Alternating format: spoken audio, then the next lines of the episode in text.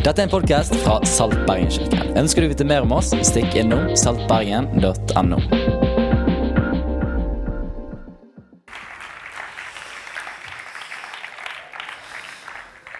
Takk skal du ha, Øystein. Takk skal du ha. Det er bra.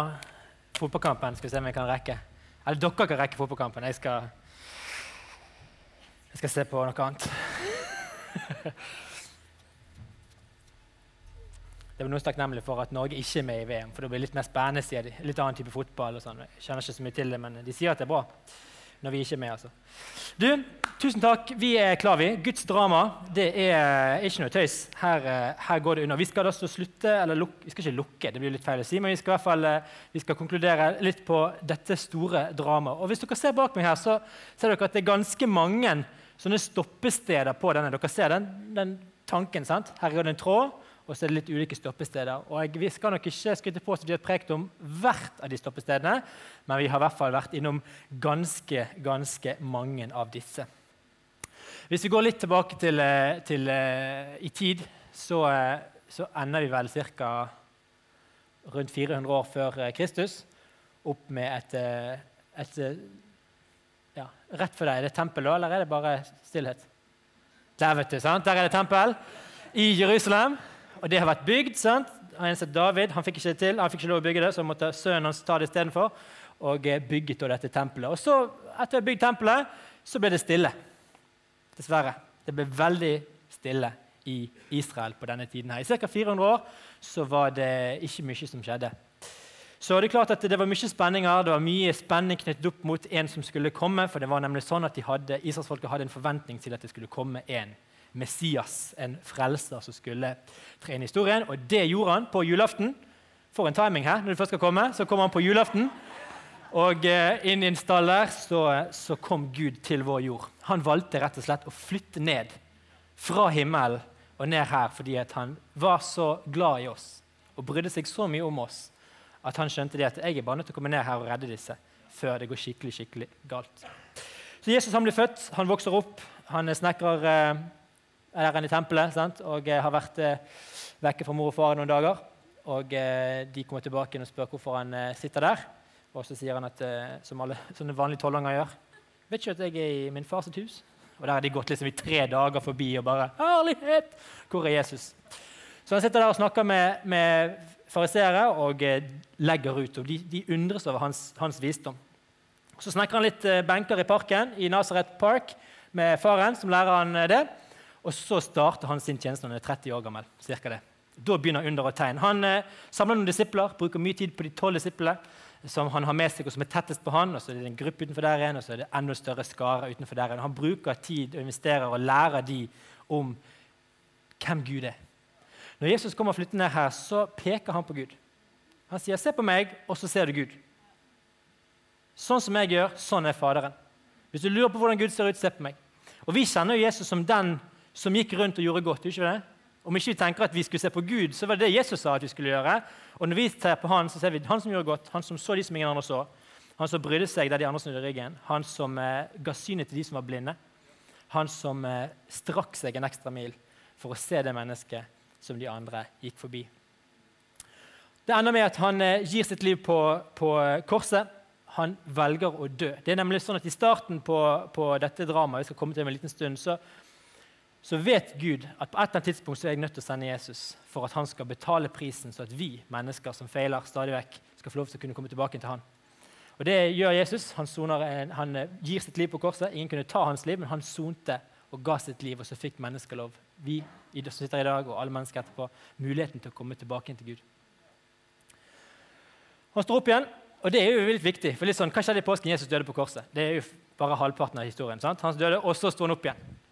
Han står opp igjen den tredje dagen og vinner over døden en gang for alle. Så kommer vi til apostelens gjerninger, og det starter jo voldsomt med at Jesus sier at hvis dere bare går ned i Jerusalem og venter litt, så skal jeg sende noe som kalles for Den hellige ånd. Han skal komme til dere, og da skal du se at det blir saker. Da blir det kraft og luft i luka når Den hellige ånd kommer over dere. Og det som skjer da, det er at en type som Peter, som har vært med Jesus i tre år, men banner på at ikke han kjenner han når han står i, i hagen og, og, Jesus er på vei til å bli korsfestet, han reiser seg opp igjen 40 dager etterpå, står foran en hel by og bare gir gass. Dette er den Jesus som dere tok livet av. Den dagen blir 3000 mennesker lagt til menigheten. De velger å omvende seg og sier, 'Hva skal vi gjøre for å bli frelst?' Og så sier han dere skal døpe dere, og så skal dere omvende dere, skal døpe dere, og så skal dere bli frelst. Det var forrige uke. Da prekte vi om det. Paulus han, eh, han er da mannen som egentlig forfølger de kristne inntil han får et møte med Jesus. og i det møtet med Jesus det endrer hele hans liv. Fra å være en forfølger til å være en som, som eh, følger opp. Vi bytter litt på rekkefølgen. Han blir en som følger opp istedenfor. Han blir kalt hedningenes apostel. Han reiser rundt til disse menneskene som da ikke er jøder av type etnisk opprinnelse, og så bringer han evangeliet, det gode budskapet om Jesus, til de menneskene. Og han får noe av den største plassen i Det nye testamentet er det faktisk Paulus som står for. Det skaper en, eh, en, vekst rundt omkring i Romerriket. De reiser rundt og de eh, står på, planter kirker, starter nye kirker, starter nye kirker. starter nye kirker. Paulus han reiser rundt med, med en gjeng, og så starter de fellesskap. og Så utbrer dette riket seg. Og Pga. infrastrukturen i Romerriket så går dette ganske sånn kjapt av gårde. De første 300 årene så vokser det til rundt en million kristne. Ekstrem vekst i første, første tiden. Eh, mens de egentlig er forfulgt.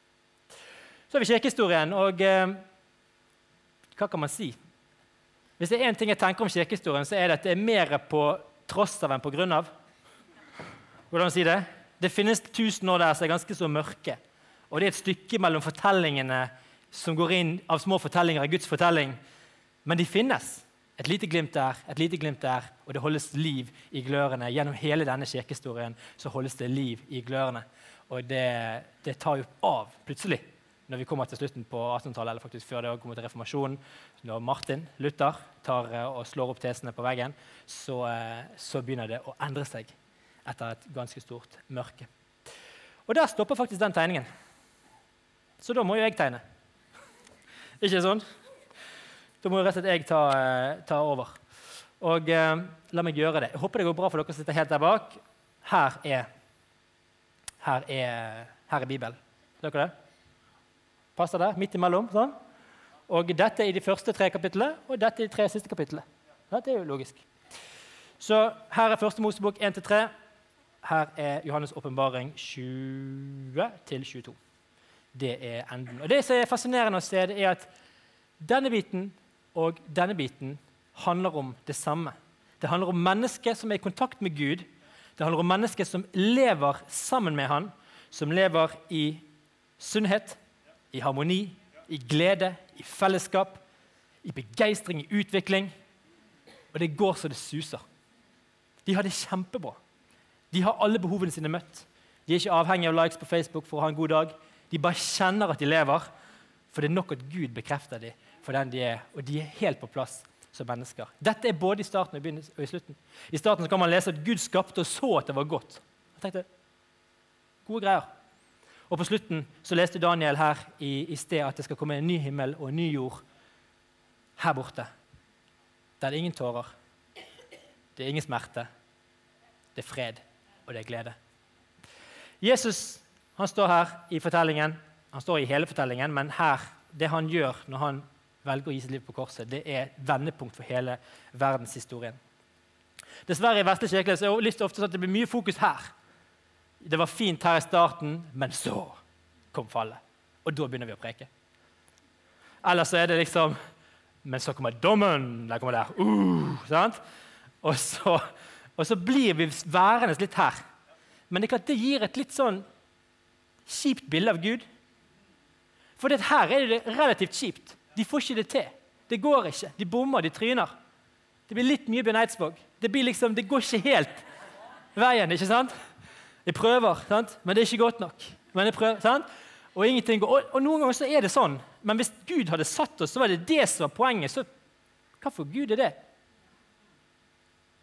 Mens Bibels fortelling, Bibels fortelling forteller at det er dette han har skapt oss til. Og så bommet vi.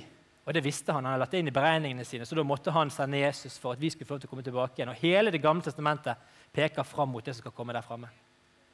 Jesus gir sitt liv, han overvinner døden, og så står vi her. Her står vi, du og jeg. En plass etter Jesus, og vi lever pga. det som Jesus gjorde. Så kan vi få lov til å være Guds barn. Tenk det. Mennesker i dag kan få lov til å være Guds barn ene og alene fordi han har elsket oss. Han har gitt oss nåde og han har invitert oss til fellesskap. Det gjorde han der. Når han overvant døden, så ga han oss mulighet. Så finnes det et punkt her. Og den er litt fussy, ser dere. Ser dere? Den er ikke så tydelig. Dette ligner på ingenting. sant? Nei, det er flott. Sant? Han er litt fussy. Det skjer noe her som står om i Johannes' åpenbaring. Og eh, det blir spennende. Så jeg håper at du er klar. Jeg håper du legger litt fram på stolen nå og kjenner det at eh, yes, dette skal gå bra. Jeg skal være med og heie. For det er nemlig sånn at Bibels fortelling, evangeliet, som Daniel sa så glitrende sted, det er fortellingen om håp. Det er fortellingen om et håp, et evig håp. Det går bra til slutt. Og hvis det ikke går bra, så er det ikke slutt. Det går alltid bra til slutt. Det er fortellingen om håp. Dette er fortellingen om håp. Det er den kristne fortellingen. Og vi skal se litt nærmere på hvordan det håpet slår inn i våre liv. Så hvis du hadde forventet deg tegn i tiden Beklager. Det blir ikke for mye av det. Det blir ikke mye Israels plass i uh, enden. Sorry. Eh, og ikke så mye om spekulasjoner rundt eh, dyrets merke og chip i armen og pane og hode. Sånn. Men det, det, kan hende du er her, og du, du er ikke, ikke, kristen. gjerne. Og hvis det kommer noen som er sånne, her, sånne, sånne vitser De sier sånn herre Ja, jeg kan få det i panen. Og så ler alle de kristne. og så sitter du og tenker sånn What? Da er det egentlig det de snakker om. Det er en sånn intern kristenvits. kristenvits de snakker om. Så, så, det er greien. Her er min påstand. Vi trenger å ha tre perspektiver tydelig for oss. Vi trenger å vite hvor vi er i dag, vi trenger å vite hvor vi kommer ifra, og vi trenger å vite hvor vi er på vei hen. Vi trenger alle disse tre for å ha et komplett bilde av der vi er. Hvis vi bare ser bakover, så blir vi bakstreberske. Vi blir tradisjonelle, og vi holder oss til det gamle. Hvis vi bare strekker oss framover, så blir vi svermeriske og høytflygende og ikke i kontakt med det er de vanskeligste menneskene å snakke med. de som bare, wow, der fremme, sant? Og hvis du bare er her, ja, da blir det yolo. liksom. Da blir det liksom, ja, Vi bare kjører på. liksom, sant? Det er, lever bare én gang, og nå gønner vi på. og så passer vi på å få det dokumentert på Instagram, så at vi kan si etterpå hvor dumme vi var. og så, ja, ja, sant? Det er hvis du bare. Vi trenger alle disse tre. Og dette her perspektivet om håp, det er det vi skal se på. Veldig mye av det som ligger her framme, det er uvisst. ikke det? Hva, ligger, hva bringer framtiden? Hva ligger der framme? Og vi vet egentlig ikke. Og som med alt annet vi ikke vet, så er det skummelt. Ikke litt sånn? Det som er ukjent, det er skummelt. Det som er fussy, det er skummelt. For vi vet jo egentlig ikke. Og Det har vært mange forsøk på å fortelle noe om hva som skjer på dommedag, og hva som skjer på en eller annen dag der fremme. Og eh, veldig mye av det handler om frykt.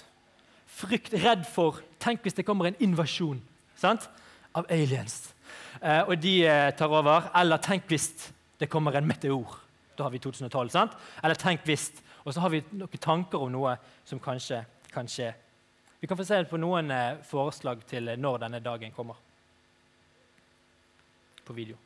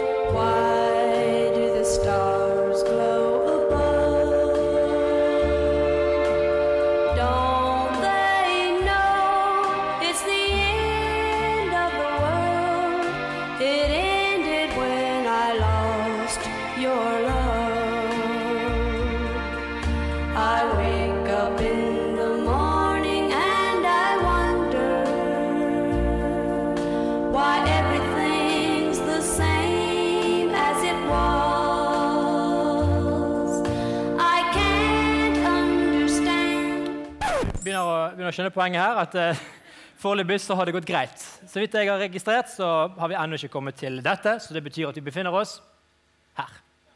I retning av her. Ikke sant?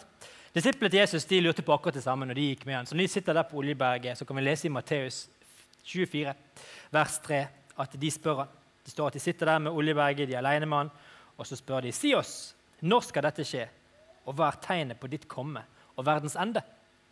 Så disiplene lurte på det, og eh, Jesus han svarer jo når han får eh, spørsmål. Hvis ikke han forteller en lignelse, så svarer han eh, sånn at de forstår. Og da sier han det i vers 36. Her sier faktisk, Vi tar det andre, vi tar det som er i 37. I Noas dager, slik skal det være når menneskesønnen kommer. I tiden før storflommen spiste og drakk de, giftet seg og giftet bort, helt til den dagen Noah gikk inn i arken. Og de skjønte ingenting før flommen kom og tok dem alle. Slik skal det være når menneskesønnen kommer. Da skal to menn være ute på markene, én blir tatt med, og én blir igjen. To kvinner skal male sammen på kvernen. Én blir med, tatt med, og én blir igjen. Så våg da, for dere vet ikke hvilken dag Deres Herre kommer. Men det skal dere vite. Dersom husherren hadde visst det når, natten, når på natten tyven kom, ville han våke og ikke la ham bryte seg inn i huset. Derfor må også dere være forberedt, for menneskesønnen kommer i den time dere ikke ventet det. Her sammenligner jo egentlig Jesus seg med en tyv. Det er jo det han gjør. Han sier liksom, komme kommer en dag, og hvis ikke du er klar, da stjeler jeg. Eh, men han tar og sammenligner med det å være rede, det å vite at noe kommer. Det er hans utfordring til oss. Vi kan være klar. I vers 36 så sier han den dagen og timen kjenner ingen, ikke engang englene i himmelen, og heller ikke Sønnen, bare Faderen. Jesus sier helt tydelig jeg kommer tilbake, men jeg vet ikke når. Ikke du heller. Og når ikke Jesus vet det, vel, da tenker jeg at det får være inntil videre. Så han er på vei tilbake. Det gjør jo at uh, man får et konsept som left behind. Har noen som sett det? Noen som sett left behind? Hvor mange her har sett left behind? Oi, det var jo imponerende, faktisk. Jeg har, fått med meg, har dere fått med dere at det kommer en ny Left Behind nå i oktober? Én på nytt. Med Nicholas Cage denne gangen, så nå blir det jo fantastisk. Nå uh, skal du se at uh, Jeg vet ikke. Men det blir bra. I min hage så ser det ut så her.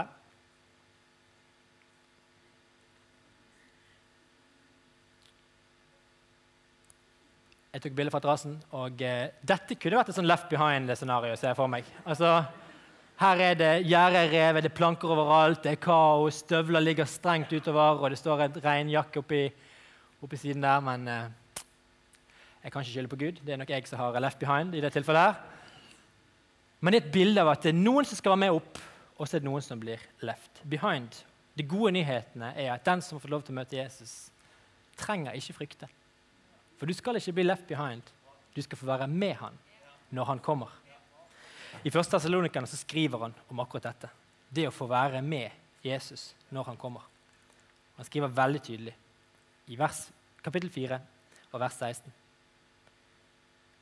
For når befalingen lyder, når erkeengel roper og Guds basun høres, da skal Herren selv stige ned fra himmelen, og de døde i Kristus skal stå opp først. Deretter skal vi som er igjen og ennå lever, bli rykket bort sammen med dem i skyen for å møte Herren i luften.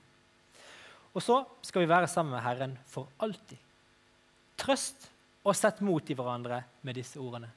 For Paulus var dette en trøst og et mot. At en dag kommer Jesus, og når han kommer i skyen, ja, da skal du få bli med i skyen.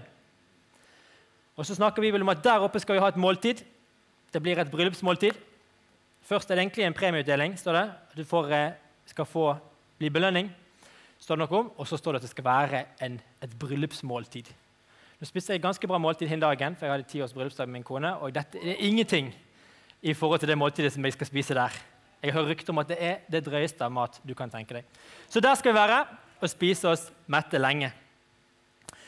Det som Bibelen videre forteller det er i åpenbaringen, det er at det, går, det er noen kjipe år. Syv kjipe år. Eh, der er det, det er kaos. Eh, folkene har jo eh, Folk har forlatt planeten, og folk skjønner at uh, Gud griper inn. Det er ingen som lurer på om dette var tilfeldig. eller De vil nok sikkert lage forklaringer, men de skjønner at her har Gud vært på ferde. Og så er det en del ting som skjer de neste syv årene, og det ender med en mann som heter Antikrist. eller vi vet jo ikke om det er mann, for så vidt, Men en skikkelse til Antikrist, en leder som vokser opp og som skal bli en verdensleder. Så mye makt får han at han til slutt står i Jerusalem og krever at alle skal be til han.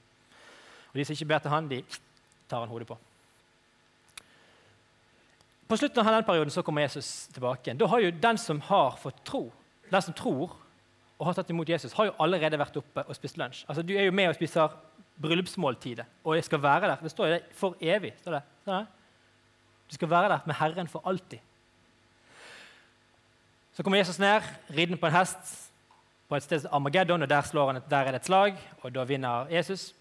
Ingen bombe. Han eh, har et ganske bra sånn, styrkeforhold eh, mot eh, hin. Eh, og eh, dette ender til slutt med 1000 år. De regjerer med Jesus, og på slutten av den tiden så skapes det en ny himmel og en ny jord. Det er et løfte. Husker dere teksten fra Daniel? Vi tar og leser en gang til. Bare se på dette. Johannes' åpenbaring. Jeg hørte fra tronen en høy røst som sa, Se, Guds bolig er hos menneskene. Ser du at det er akkurat det samme som er her? Vi var hos Gud. Guds bolig er hos menneskene. Skyen her, håpet, det er over. Vi skal være hos Gud. Han skal bo hos dem, og de skal være hans folk. Og Gud selv skal være hos dem. Han skal være deres Gud. Han skal tørke bort hver tåre fra deres øyne, og døden skal ikke lenger skal ikke være mer. Heller ikke sorg eller skrik eller smerte. For det som en gang var, er borte. Han som sitter på troen, sa, 'Se, jeg gjør alle ting nye'. Alle ting nye gjør Gud. Så vi sitter her med et budskap om håp, som Gud som gjør alle ting nye. Jeg tror mennesker i dag trenger å vite at Gud gjør alle ting nye. Der du i ditt liv i dag trenger du vite at Gud gjør alle ting nye. Og Det som er fussy her borte, og som kan virke skremmende men jeg vet du, Bibels løfte til oss som får ta imot, det er at du skal få være med, og du skal få være med han for evig. Et håp. Ikke frykt, men et håp. Ser du forskjell? Men la oss si, da Vi er jo her. Sant? Her er jeg. Ikke så karismatisk akkurat i dag, så jeg har hendene sånn. Og så er jeg på vei her. 20, 2020. Vi, vi dikter. Ingen vet jo, det vet vi. sant? Da kommer han tilbake. Hva da? Ville jeg valgt å leve livet mitt annerledes nå da? Hvis jeg visste at han kom i 2020? Altså, Ville jeg gjort noe med mitt liv i dag? Tenk om vi var et sånt fellesskap av håp. Vi preker evangeliet om håp. En dag skal han komme tilbake igjen. Og vet du, Jeg gruer meg ikke. Jeg gleder meg. Det er en helt annen forskjell enn de som bunkrer opp med hermetikk i kjelleren. tilfelle det kommer storm. Hvis du sitter der og tenker hvis jeg visste at det kom i 2020, ja, vet du, da ville jeg faktisk gjort en del ting annerledes. Da ville jeg gjort det, og så ville jeg gjort det, og så ville jeg gjort det, og det, og så tror jeg jeg slutter med det og begynt med det. Hva er til hinder da for at du egentlig kan begynne nå? For Jesus sier det jo veldig tydelig, men du vet jo ikke dagen og timen. Så hvorfor ikke være rede? Hvorfor ikke planlegge som om det skulle skje? Men det lokker meg noen ganger hvis jeg sier hvis han kommer i morgen. Da blir det litt krampaktig. Å, herlighet, han kommer nå, Så løper vi rundt alle naboene sant? og klikker helt fordi han kommer i morgen. Sant? Og så hvis vi sier at han kommer om 1000 år, så blir det sånn, å, herlighet, uh, du kan slappe av. Sant? Da er det bare til å slenge beina opp på bordet. og bare Kjempegod tid. sant? Men hvis vi tar sånn midt imellom, nå, 2020 eksempel, ville det fått en konsekvens for livet da? Og hvis det fikk det, hvorfor ikke bare gjøre det? Og hvis du fikk det, hvis du tenkte svar på det var ja, absolutt, ville det vært frykten som drev deg, eller ville det vært håpet som drev deg? Ville det vært redsel for at ja, hvis jeg ikke ordner det og det og det, og det, er, da går det åt skogen? Eller ville det vært liksom Nei, vet du, den dagen skal jeg ha så mange som mulig med meg på den reisen. Ser du forskjellen? Er det frykten for liksom etter at vi må skjerpe oss? Bibelen er veldig tydelig på at vi kan ikke gjøre noe til eller fra. Jesus har gjort det. Han, han har ordnet det. Han ga sitt liv for at vi skulle få lov til å komme til himmelen. Vi er barn av Gud, Ikke fordi vi er fantastiske, men fordi han har elsket oss. Og i sin nåde så har han gitt oss et evig liv. Det er den nåden som gir oss håpet. Det er det vi lender oss på. Det er ikke frykten. En venn av meg han eh, hadde kreft, var 55 år, faren til en kompis. Ligger på Haukeland. Så sier han dette. 'Jeg blir frisk uansett.' Vi bare, ok. Enten så blir jeg helbredet her og nå, og så gir jeg meg noen ekstra år i Knarvik. Eller så tar jeg meg opp til himmelen. Og der er det ingen tårer, ingen sykdom og ingenting. Gud får bestemme om det blir sånn eller sånn. Men håpet til denne mannen var det ingen som kunne ta fra ham.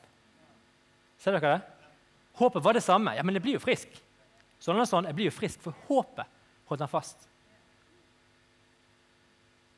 Tenk for det mennesket i India som får oppleve evangeliet om Jesus forkynt. Det fins håp for deg i en crappy verden der alt går på trynet. Du har ingen midler, du har ingen ressurser, og alt er kjipt. Men vet du, en dag, en dag, da skal jeg være sammen med han. En dag kommer det en ny himmel og en ny jord. En dag skal det være en by. Og jeg har bare bodd på landet hele livet. og den er svær i tillegg. Mye større enn Oslo. Sant? En dag da skal jeg være sammen med Gud. Det er et håp. Et budskap av liv. Et budskap av glede. Et budskap som sier men, Hva hvis jeg bruker tiden godt nå, da? Hva hvis jeg tenker at eh, jeg vil jo ha mine kompiser med på den veien? Jeg vil jo ha min familie med. Jeg kunne gjerne tenkt meg å sette at naboen var med på den samme reisen. Gud har gode tanker for oss. Han kaller oss til fellesskap. Vi leser at tankene i starten og tankene i slutten er de samme. og Han har satt oss til nærhet, fred, friskhet og relasjon med seg. Når mennesket valgte å snu ryggen til han, så visste han at prisen for det var hans egen sønn. Men han var likevel villig til å si ok, de må få velge sjøl, for det er et fritt valg. Men de skal kunne velge meg, og da skal jeg være der. Det kostet han prisen, men han betalte det. Det peker mot Jesus. Han overvinner døden. og Når Jesus overvinner døden, så vinner han veien tilbake til Gud. Så vi som lever etter Jesus, vi kan få leve som Guds barn fordi hans nåde og kjærlighet til oss, og det alene. Og så har han valgt å gi oss en kraft, denne pinsekraften som han Peter-typen. Han som løy eller bannet for at han ikke kjente Jesus, men senere står for en hel by. Han hadde fått en kraft på innsiden. Meg og deg kan få lov til å få en kraft på innsiden fra Gud fordi han bryr seg. Han har lovt oss å gi oss av Den hellige ånd, så vi kan være frimodige på vårt arbeidssted eller på vår, vår studiested eller der vi skulle omgi oss.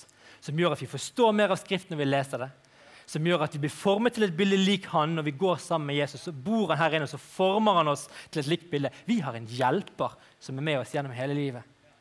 Det kalles Den hellige ånd. Og så lever vi i dag et sted mellom at Jesus har stått opp, og at han kommer tilbake igjen. Og har utfordret Jesus til at vi vet jo ikke når det skjer. Så står urokkelig fast på troen om at en dag skal vi være sammen med han uansett. Men fram til det så kan vi jobbe med hans sak her på jorden. Og den er veldig tydelig. Nemlig at vi kan få være hans hender og føtter i vår verden og spre verdens beste budskap. Et håpets budskap om at det går bra til slutt. Og går det ikke bra, så er det ikke slutt. Musikeren kan ofte komme opp, så skal vi gå mot avslutning.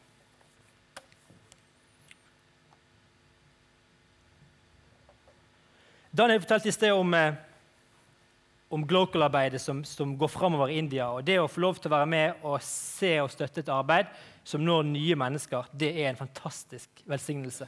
Det at evangeliet og budskapet får lov til å nå fram til mennesker som ennå ikke har fått høre det. Og Da sier Jesus i Matteus så sier han dette, at når alle har fått høre, da skal jeg komme tilbake. Når alle folkeslag har fått høre, da skal jeg komme tilbake. Den som holder ut til enden, skal bli frelst, sier Jesus. Og dette evangeliet om riket skal forkynnes i hele verden til vitnesbyrd for alle folkeslag. Og så skal enden komme. Da skal enden komme. Når alle folkeslag har fått se. Og Det gjør vi på Glockhol, så det går litt fortere. da, tenker jeg. At det går litt fortere at Jesus kommer igjen, sånn vi, siden vi holder på å få til preke til nye folkeslag. Kan vi bare alle reise oss litt? Grann? Skal jeg gå helt, helt mot avslutning. Hver eneste uke så pleier vi å benytte anledningen her i kirken til å gi mulighet til deg som kanskje er her og ikke kjenner at du har relasjonen til Jesus på plass. Du har kanskje tenkt at Gud er denne guden som plasserer deg i en kjip og dårlig verden der det er motstand og vanskeligheter. og Du klarer ikke helt å se hvor veien tar deg videre. Kanskje du er her inne og du er redd for det som ligger foran. Du har tenkt herlighet. Man vet jo ikke hva morgendagen bringer. Kanskje du er en av de som ikke kan skjønne hva jeg snakker om. Jeg snakker om håpet. Håp om det som skal komme. Jeg vil at det er kjærligheten som, som driver deg til å si ja til Jesus. Ikke ut av frykt for en konsekvens, men kjærligheten. At Gud elsker deg. Han elsker deg så høyt at han var villig til å betale prisen for at du skulle få muligheten til å vende om og si at vet du hva, jeg, jeg, jeg følger deg. For jeg vil ha det håpet. Jeg vil bære på det håpet som sier at det går bra til slutt. Og går ikke det bra, så er det ikke slutt. Kan ikke bare lukke øynene, så skal jeg eh, be deg om å bare rekke opp en hånd, så jeg kan få se hvis du ønsker å ta imot Jesus. Det er så enkelt at vi kan be en bønn sammen. Du skal forstå der du står, og så skal vi be i fellesskap. Så sier Bibelen at den som bekjenner Jesus med sin munn og tror i hjertet, det mennesket skal få lov til å bli en kristen. Det mennesket skal få eie dette håpet. Om det er deg her i kveld, kanskje du bare rekker opp en hånd, så jeg kan se, og så kommer jeg til å si Gud velsigne deg, og så skal vi be en bønn sammen med alle de andre.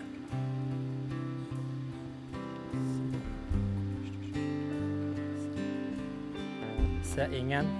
Men jeg vil gi deg fortsatt muligheten til å rekke opp en hånd. Om du er her inne og tenker at det er det håpet, det kunne jeg tenkt å ha i mitt liv. Den lengsel etter han guden som har sagt han vil være nær. En guden som har sagt 'velkommen hjem'. Han vil jeg ta imot.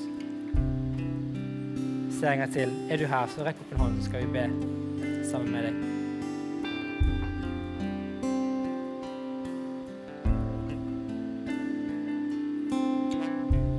Da kan vi få lov til å be etter meg. Kjære Jesus, takk at du kom til oss for å finne meg og redde meg.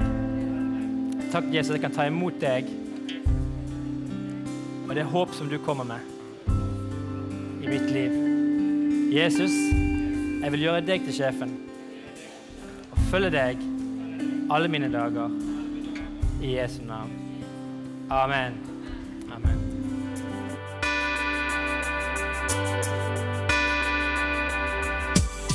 Takk for at du har lyttet til podkast fra Saltbergenkirken. Vår visjon er å lede mennesker til et nytt og bedre liv gjennom etterfølgelsen av Jesus. Følg gjerne med på hvordan vi realiserer dette, og hvordan du kan delta ved å besøke saltbergen.no.